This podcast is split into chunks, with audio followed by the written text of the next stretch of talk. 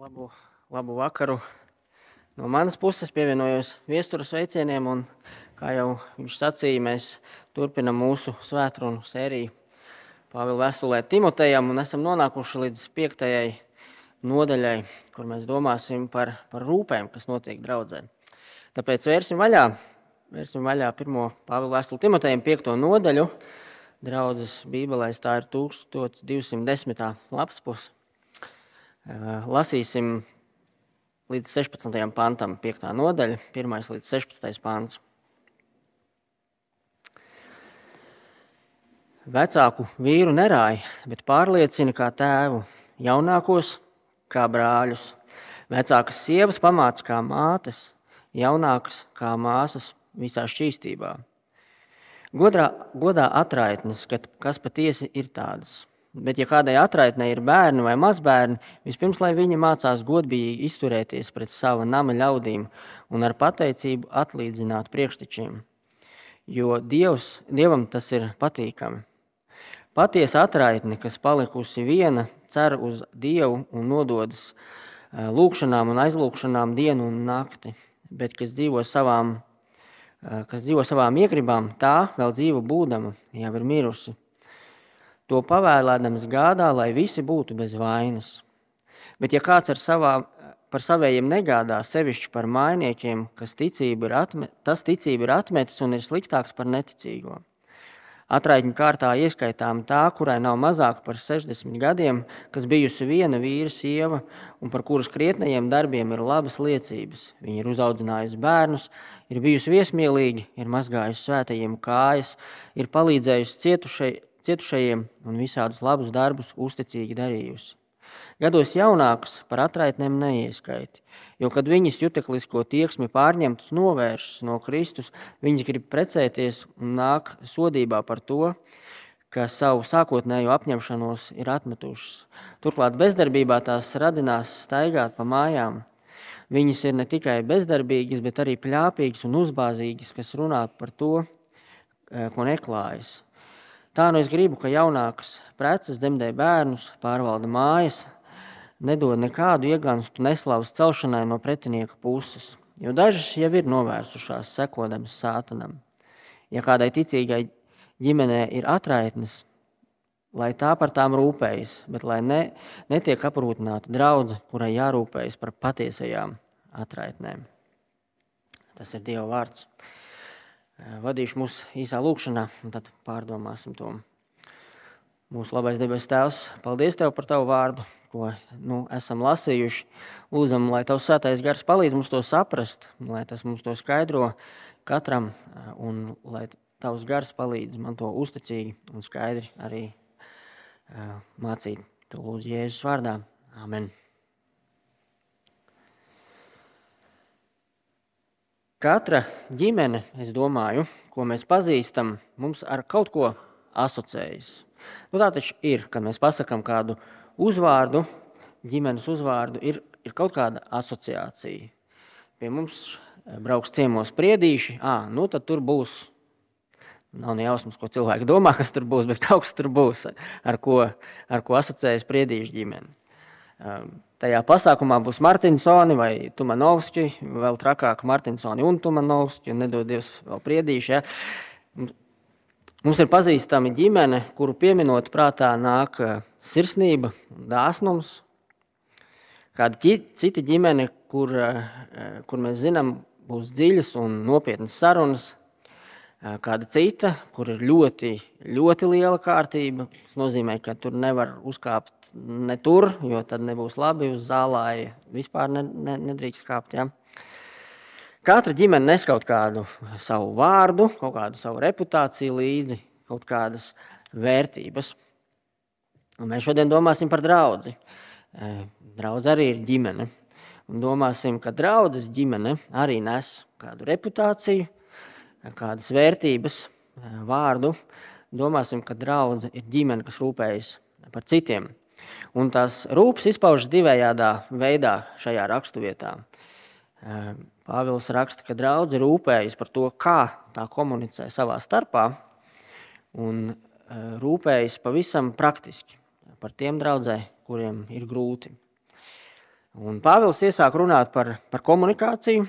Pavisam lakoniski viņš pasaka, kā izrādīt cieņu un sirsnību pret dažāda vecuma un dažāda dzimuma draudzes locekļiem.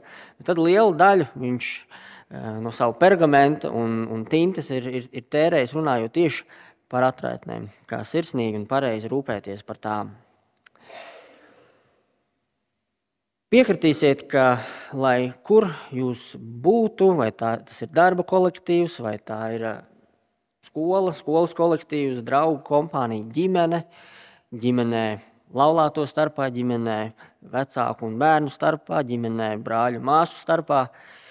Komunikācija ir ļoti, ļoti svarīga. Un, un, un katrā vietā ir jāmācās un jāsaprot, kā, kā, kā, kā pareizi komunicēt, kā, kā saprotam, kā, kā godīgi, godīgi komunicēt. Bālis saka arī draudzē, ar visiem pilnīgi vienādi runāt nevar. Izlasīsim pirmos divus pāntus vēlreiz no, no piektās nodaļas. Vecāku vīru nerāja, bet pārliecina kā tēvu, jaunākos kā brāļus. Vecākas sievietes pamāca kā mātes, jaunākās kā māsas visā šķīstībā. Mēs redzam šo ģimenes piemēru, ģimenes savā ziņā ilustrāciju ģimeniskas attiecības. Nevis familiāras attiecības, bet ģimeniskas. Ja atceraties, pirms divām svētdienām mēs domājam par draugu. Kas ir draudzene? Un viena no lietām, par kuru mēs runājām, bija, ka draudzene ir nams, dzīvā dieva nams, proti ģimene. Ģimenē ir tēvs, māte, brāļi, māsas. Tā kā tu attiektos ģimenē pret viņiem, tā attiecies arī draudzes ģimenē. Vecāku vīru uzrunā, pamāci, pārliecini, tā kā tu runātu ar savu tēvu. Protams, mums jāsaprot un jāatceras, ka mēs runājam par pirmo gadsimtu, kur bērni teju vai bija eh, nekas, eh, mazi bērni bija teikt, vienkārši gan arī īpašums. Un pat tad, kad dēls izauga, bija ļoti stingri ievērot šī vecuma subordinācija. Timotejs ir draugs mācītājs, jauns mācītājs. Viņam ir jāmāca draudzē, jāpārliecina, tur, kur uzskati ir nepareizi, varbūt šķīvi, jāpamāca, eh, ja, ja, ja ir kas nepareizi, un jāpierāda, kā ir pareizi. Un tas ir jādara cieņpilni. Nedarīt viņš to nevar. Ne? Jo greizi uzskati un Dieva vārda nemācīšana, tās nav rūpes par savu ganāmu pulku. Tā nav mīlestība pret otru. Viņam ir jāmāca, viņam jāmāca arī vecāki cilvēki, kā to darīt. Tā kā tu runātu ar, ar savu tēvu, vecāko vīru nerāji, bet pārliecini kā savu tēvu. Jaunākos, jaunākos nerāja, bet pārliecini kā brāļus. Nu, šeit atkal atgādinājums vietā, kur runa ir pirmo, par pirmo gadsimtu. Pirmā gadsimta ģimene. Mūsdienās, laikam, brāļu un māsu attiecības tā ir pavisam īpaša un atsevišķa kategorija, kur, kur varbūt nevienmēr tas būtu labākais piemērs, kā būtu jārunā savā starpā draudzēm. Bet mēs, protams, domu saprotam, um, kā tam vismaz vajadzētu būt. Ja redzam, ka ir kaut kāda svarīga lieta jārunā, kaut kas varbūt ir nepareizi vai, vai kaut kas ir jāizrunā. Nerāja, bet kā brālim pieeja klāt uzrunā, pārliecina par situāciju un, un, un, un tur rodas iespēja mācīt, pārliecināt, runāt. Vecākas sievietes pamāca kā mātes. Tas pats princips, protams, tas pats princips. Tā kā tu pamācītu savu, savu māmu, kad, ja tas ir nepieciešams, tā runā draudzē ar vecākām sievietēm. Un noslēgumā Pāvils raksta, jaunākās pamāca kā māsas visā šķīstībā. Un, protams, princips mums ir skaidrs, bet eh, mums ir jāpamana tā īpašā piezīme, ko Pāvils šeit pieliek. Visā šķīstībā. Jā, Timotejs ir jauns mācītājs. Tā vien izskatās, ka viņš ir neprecējies, Vismaz nav tāda uzskatāma pierādījuma, ka viņš būtu Bībelē. Pāvils viņu brīdina. Komunikācijā ar jaunākām sievietēm eh, visam ir jānotiek eh, visā šķīstībā. Un, eh, mēs saprotam, ka tas, protams, attiecas ne tikai uz jauniem kristiešu vadītājiem. Tas attiecas uz visu, ikvienu kristieti. Attiecībām un komunikācijai ar pretējā dzimuma vienaudžiem vai jaunākiem, vai kā ir jābūt visā šķīstībā. Pāvils, Pāvils māca Timoteju, un, un tomēr ne visi, lai arī ne visi mēs esam draudzes vadītāji, tā ir mācības stunda arī mums, jo princips jau ir universāls un, un nemainās. Arī mēs mācāmies, kā cieņpilni runāt ar, ar dažādu vecuma un dzimuma grupām draudzēm. Bet īstenībā arī ne tikai draudzē, arī ārpus draudzes. Tā skaitā, piemēram, darba kolektīvā. Protams, tas, par ko ir jāpārliecina, būs kaut kas cits, bet veids, kā mēs to darām, un princips, ko mēs varam ievērot no šīs raksturvietas, man liekas, ir ļoti noderīgs. Jā, darbā tur ir dažādu atbildību un amata hierarhijas, un iespējams tev ir tiesības pieprasīt no otra cilvēka, ko nu tev vajag, vai viņš ir jaunāks vai vecāks. Eh, bet princips ir tas pats. Eh, ļoti nozīme, liela nozīme ir tam, kā to dara. Un, un, protams, tik viegli ir noskatīties eh, uz, uz, uz jauniem kolēģiem nu, no augšas. Nu, zin kā, visur jābūt pazemīgam, draudzēm. Tā, vismaz šeit, uh, šeit ir kaut kāda vieta, vidi, kur es varu nu, tā, sajusties beidzot kā kaut kas, vai ne vara un autoritāte un tā tālāk. Bet, protams, protams, ka nē. Un, jo īpaši e, šī piebilde, ko Pāvils saka par jaunākajām māsām visā šķīstībā, ja mēs runājam par sabiedrību ārpus draudzes, e, darbā, bet, bet reizēm arī skolā vai ne, universitātēs, vidē, kur koķetēšana un divdomīgas situācijas tiek uzskatītas bieži vien par tādu spēli, kas padara darba rutīnu nedaudz interesantāku, aizraujošāku. Jo īpaši nozīmīgi ir attiekties pret pretējā dzimuma kolēģiem visā šķīstībā. Jo, būsim godīgi, nav jau tā nekāda spēle, vai ne? Kāpēc tas ir svarīgi? Tas rādīs um, cilvēkiem, tavu īstenībā atšķirīgo, atšķirīgo pieeju šiem jautājumiem. Tas rādīs iespējams netieši, jo šad tad ir situācijas, kur tu nedrīkst atklāt runāt par, par ticību, par evaņģēliju. Um, tas rādīs to, ka tu kaut kā citādāk skaties uz tām lietām. Jā, tu esi Dieva vīrs, Dieva sieva, tu centies viņam paklausīt, un gal galā tas tik tiešām uh, pagodina Dievu. Un es zinu, kad es to saku, e, raksturvietas kontekstā, tā ir draudzene par to, kā attiecības notiek un kā attiecības veidot draudzē. Bet tajā pat laikā viss caur vēstulē ir šis arī tas pavadiens, kas runā par, par kristiešu dzīvesveidu, kuram jābūt redzamam arī ārpus draudzes. Kā, kā liecība par to, kas ir draudzene, kā lietas notiek draudzē. Ja atcerieties draugus vecajiem, diakoniem, bet arī sievām un vīriem draudzē, mēs iepriekš lasījām, jābūt tādiem, kuriem ir laba slava ārpus draudzes. Arī vēlāk, piemēram, sastajā nodaļā mēs redzēsim, ka vergiem, mēs varētu teikt, darba ņēmējiem ir jāgodā savus kungus vai savus priekšniekus. Pastāvīgi Timotejs tiek mudināts nepakļauties pasaulīgai mācībai un dzīvesveidam, Un, un savstarpējās attiecības un komunikācija ir viena liela un ļoti redzama daļa no, no, no šī dzīvesveida. Lūk, pēc tik īsa un tāda lakoniska sacītā par pam, pamācīšanu draudzē, komunikāciju draudzē starp vecākiem un jaunākiem vīriem un sievām, Pāvils ļoti izvērsti sāk skaidrot jautājumu par atraitņu aprūpēšanu draudzēm. Un Kāpēc tik daudz viņš par to runā? Eh, droši vien ir vērts mums eh, pirms tam um, padomāt un saprast, um, kāda ir atraitņu situācija pirmajā gadsimtā. Atraitnes bija ļoti, ļoti neaizsargāta sabiedrības daļa. Sievietēm nevarēja būt uh, piederēt īpašums, uh, viņas bija pilnībā atkarīgas no sava vīra. Bet, ja vīrs nomira, tad bija divi divi iespējamie scenāriji, kā viņš varēja rīkoties. Vai nu viņas atgriezās pie sava tēva, ja viņš vēl bija dzīvs, vai, vai viņas dzīvoja pie sava dēla, visbiežāk vecākā, ja viņai tāds bija. Bet, ja viņai tāda nebija, neviena, ne otra, jūs saprotat, ļoti, ļoti neaizsargāta uh, sociālā uh, daļa, sabiedrības daļa. Piemēram, Lūkas evanģēlijas 7. nodaļā mēs lasām par, par notikumu, kur Jēzus dodas uz Nainas pilsētu.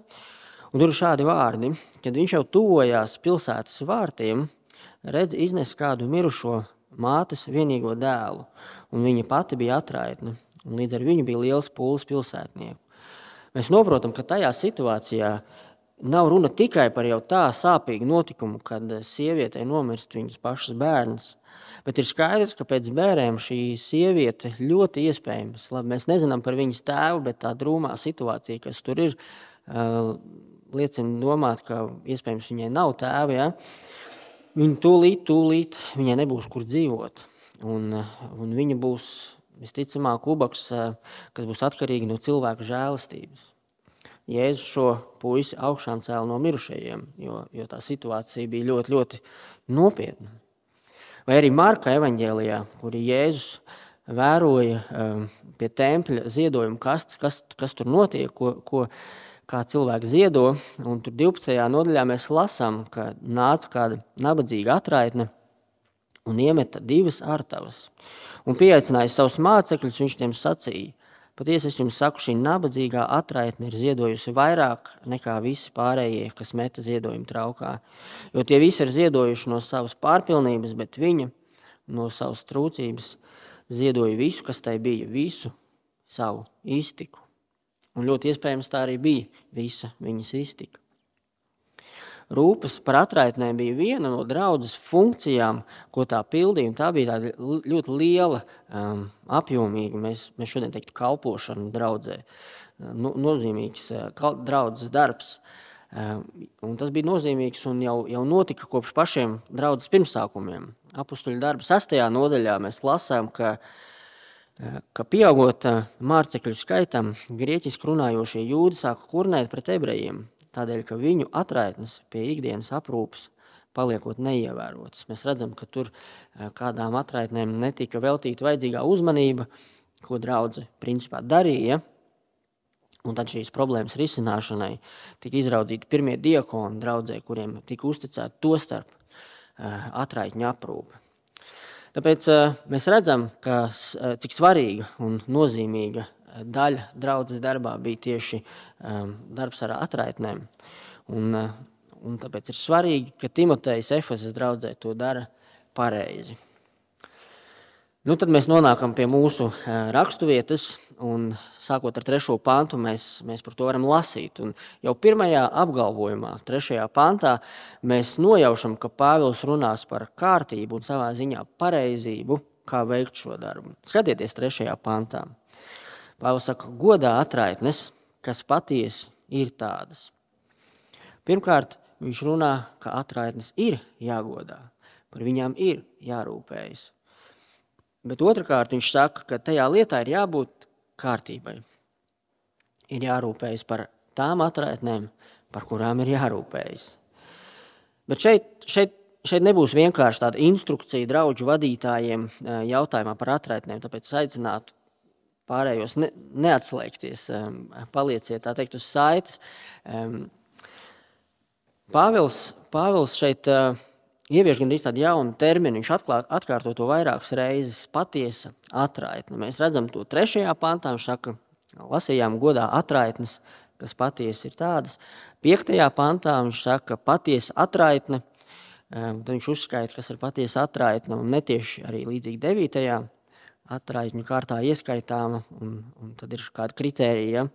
Un 16. pantā draudzē ir jārūpēs par patiesajām atraitnēm. Kāda, kāda tad ir patiesa atraitne? Es aicinu, ka mēs varam nolasīt 5. un tad 9. un 10. pantu vēlreiz. Patiesa atraitne, kas palikusi viena, cer uz Dievu un nododas lūgšanām un aizlūgšanām dienu un nakti. Un tad no 9. panta atraitņu kārtā ieskaitāma tā, kurai nav mazāk par 60 gadiem, kas bijusi viena vīra sieva un par kuras krietnajiem darbiem ir labas liecības – Viņa ir uzaugusi bērnus, ir bijusi viesmīlīga, ir mazgājusi svētajiem kājas, ir palīdzējusi cietušajiem un visādus labus darbus uzticīgi darījusi. Patiesa atraitne tā tad ir, protams, sieviete, kas ir palikusi viena, viņai nav ne tēva, ne dēla, pie kā iet. Viņa ir ticīga, cer uz Dievu, bet ne tikai vienkārši ticīga, bet tiešām savu ticību ir izdzīvojusi tā aktīvi un, un, un praktiski. Viņi nododas lūkšanām, aizlūkšanām, turklāt dara to dienu un nakti. Pāvils saka, ka viņai jābūt vecākai par 60 gadiem, bijusi viena vīra sieva, tātad uzticīga. Un interesanti, ka līdzīgs kriterijs tikai otrādi bija runājot par draudzes vecajiem un diakoniem. Par atraitni liecina viņas krietnie darbi. Viņa ir uzaugusi bērnus. Tas nenozīmē, ka sieviete bijusi bez bērniem, ka tad viņa neskaitās, bet mēs saprotam, viņa ir rūpējusies par bērniem, ir bijusi viesmīlīga, mazgājusi svētajiem kājas, ir uzņēmusi citus ticīgos mājās, ir palīdzējuši cietušajiem un, un veikusi citus krietnos darbus. Vienkāršot sakot, viņa ir uzticama un uzticīga.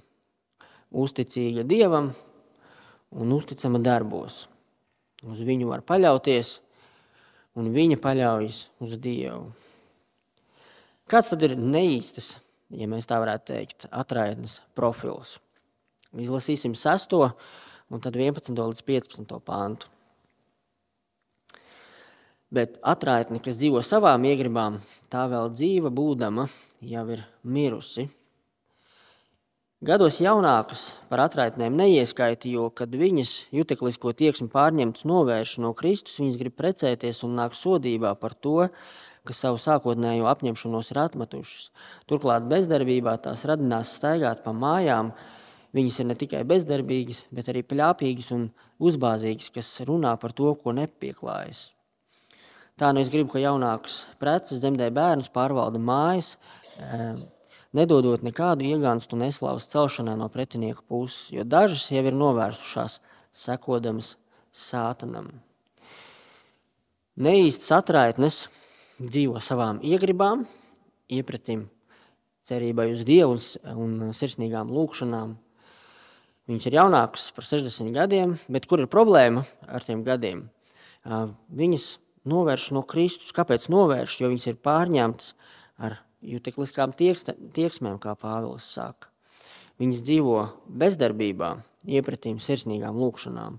Un savā bezdarbībā viņas eh, staigā pa mājām, pļāpā, turklāt par to, par ko neklājas. Visticamāk, aprunā, tā teikt, uzsit klačiņu, ir uzbāzīgas, dažas pat ir novērsušās no ticības un seko sātanam. Visticamāk, ka viņas ir pievērsušās maldu gariem un dēmonu mācībai, par, kur, par kuriem bija teikts 4. nodaļas 1. pantā. Par to mēs domājam pagājušā nedēļā. Un interesanti, ka viena no šo, šīm mācībām bija, ka nedrīkst precēties. Un skaidrs, skaidrs redzot šos divus profilus un domājot par, par atraitnēm, mēs, mēs šeit lūkojamies pirmā gadsimta ļoti nopietnā problēmā, kā jau, kā jau par to runājām. Un, un nav gluži viens un viens tas attiecināms uz mūsdienām. Um, tajā laikā nebija ne pensijas sistēmas, ne pabalsta, nekā no tā. Vecāka cilvēka pensijas sistēma bija viņa bērni, kas par viņu parūpējās vecumdienām. Un īstenībā tas ir tas, ko Pāvils arī trīs reizes uzsver šajā raksturvietā. Ieskatieties 4., 8. un 16. pantā. Bet, ja kādai atraitnei ir bērni vai mazbērni, vispirms lai viņi mācās godīgi izturēties pret savu nama ļaudīm un ar pateicību atlīdzināt priekštečiem, jo tas Dievam ir patīkami. Astotais pants, bet ja kāds par savējiem negādā sevišķi par mainiekiem, tas ticība ir atmetis un ir sliktāks par neticīgo.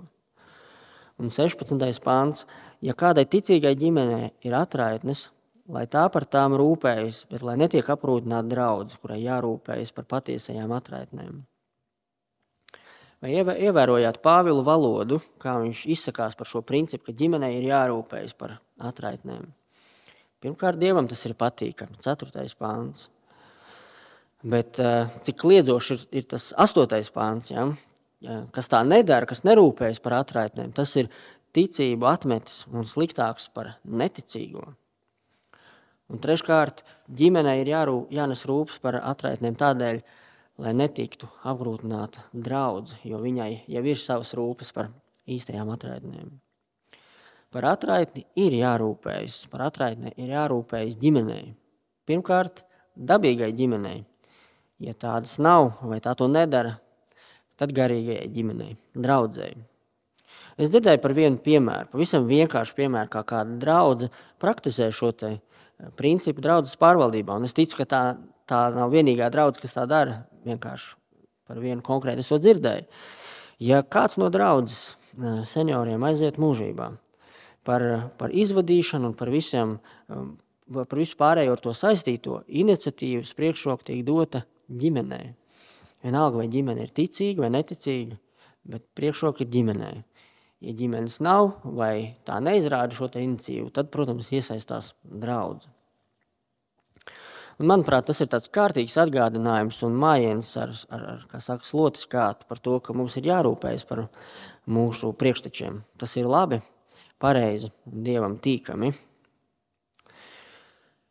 Bet kā jau teicu, salīdzinot ar mūsdienām, šī ir ļoti specifiska problēma. Mūsdienās nu, diezgan retos gadījumos uh, būtu jā, jā, jāņem šis viens pret viens. Uh, ko mums ar to iesākt? Mūsu gadījumā tas princips, princips paliek tas pats. Draudz rūpējas par tiem, kam ir vajadzības. Bet rūpējas nevis par, par visu pasauli, jo visā pasaulē būs visādas dažādas vajadzības, grūtības bet par tiem brāļiem un māsām, kas paši netiek galā. Ja ģimene nevar palīdzēt, tad iestājas draudzes ģimene. Esam jau to vairāk kārt eh, pieminējuši eh, mūsu draudzes eh, kontekstā, bet ir priecīgi to atcerēties, ka tas, tas laiks, Covid laiks, kad daudziem ienākumi stipri samazinājās vai vispār pazuda, un draudz izteica aicinājumu kam ir iespēja palīdzēt tiem, kam ir tāda vajadzība, eh, lai, lai atsaucas un, un, un, un, un, ja radīsies tāda vajadzība, tad, tad, tad tur tiks savienots, tas, tas, tie līdzekļi nonāks tur, kur vajag. Un tik tiešām bija prieks redzēt, ka eh, cilvēki, kur bija gatavi palīdzēt, bija krietni vairāk kā to, kam, kam to palīdzību galu galā vajadzēja. Un tas ir labi, un tas ir pareizi, un, un, un prieks par, par draudzi, kas tādā veidā ir, ir, ir, ir iestājusies viena par otru. Draudz rūpējas par tiem, kam ir, kam ir vajadzība, un dara to gudri, neizšķērdīgi, bet tiem, kam tiešām ir tāda vajadzība. Vēl pēdējā atsaucu šīs dienas raksturvieta. Ieskatieties 7. pantā. To pavēlēdams gādā, lai visi būtu bez vainas.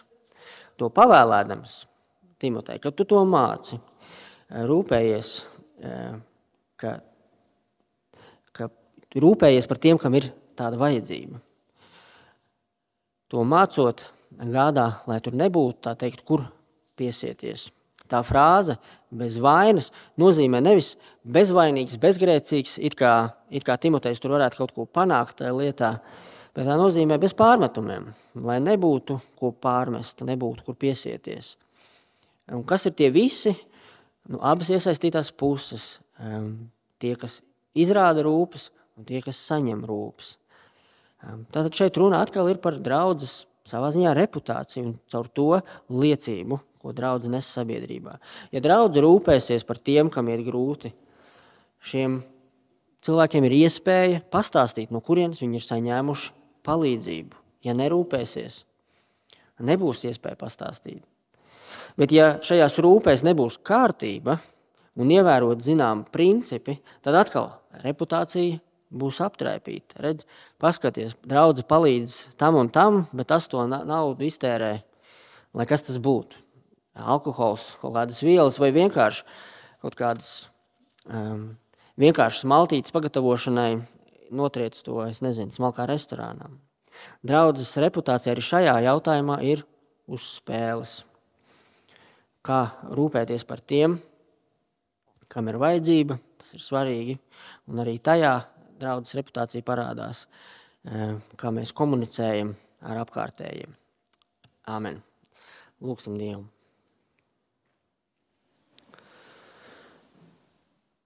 Mūsu debes Tēvs, Tu esi kārtības Dievs, un Tu esi gādīgs Dievs. Un Tu aicini arī savus ļaudis, savu draugu, arī būt tādiem, darīt lietas kārtīgi, izrādīt rūpes un cieņu vienam pret otru, kārtīgā, pareizā, cieņpilnā veidā. Kungs, mēs lūdzam, lai Tavs gars palīdz mums iedzīvināt šo patiesību mūsu dzīvēs vēl pilnē, pilnīgākā, pilnvērtīgākā mērā. Lai arī, lai arī šajā ziņā cilvēkiem nebūtu kur piesieties, un mēs varētu nest labu liecību par Tevi, Kungs. Jēzus vārdā, Jēzus nopelnu dēļ to lūdzam. Āmen.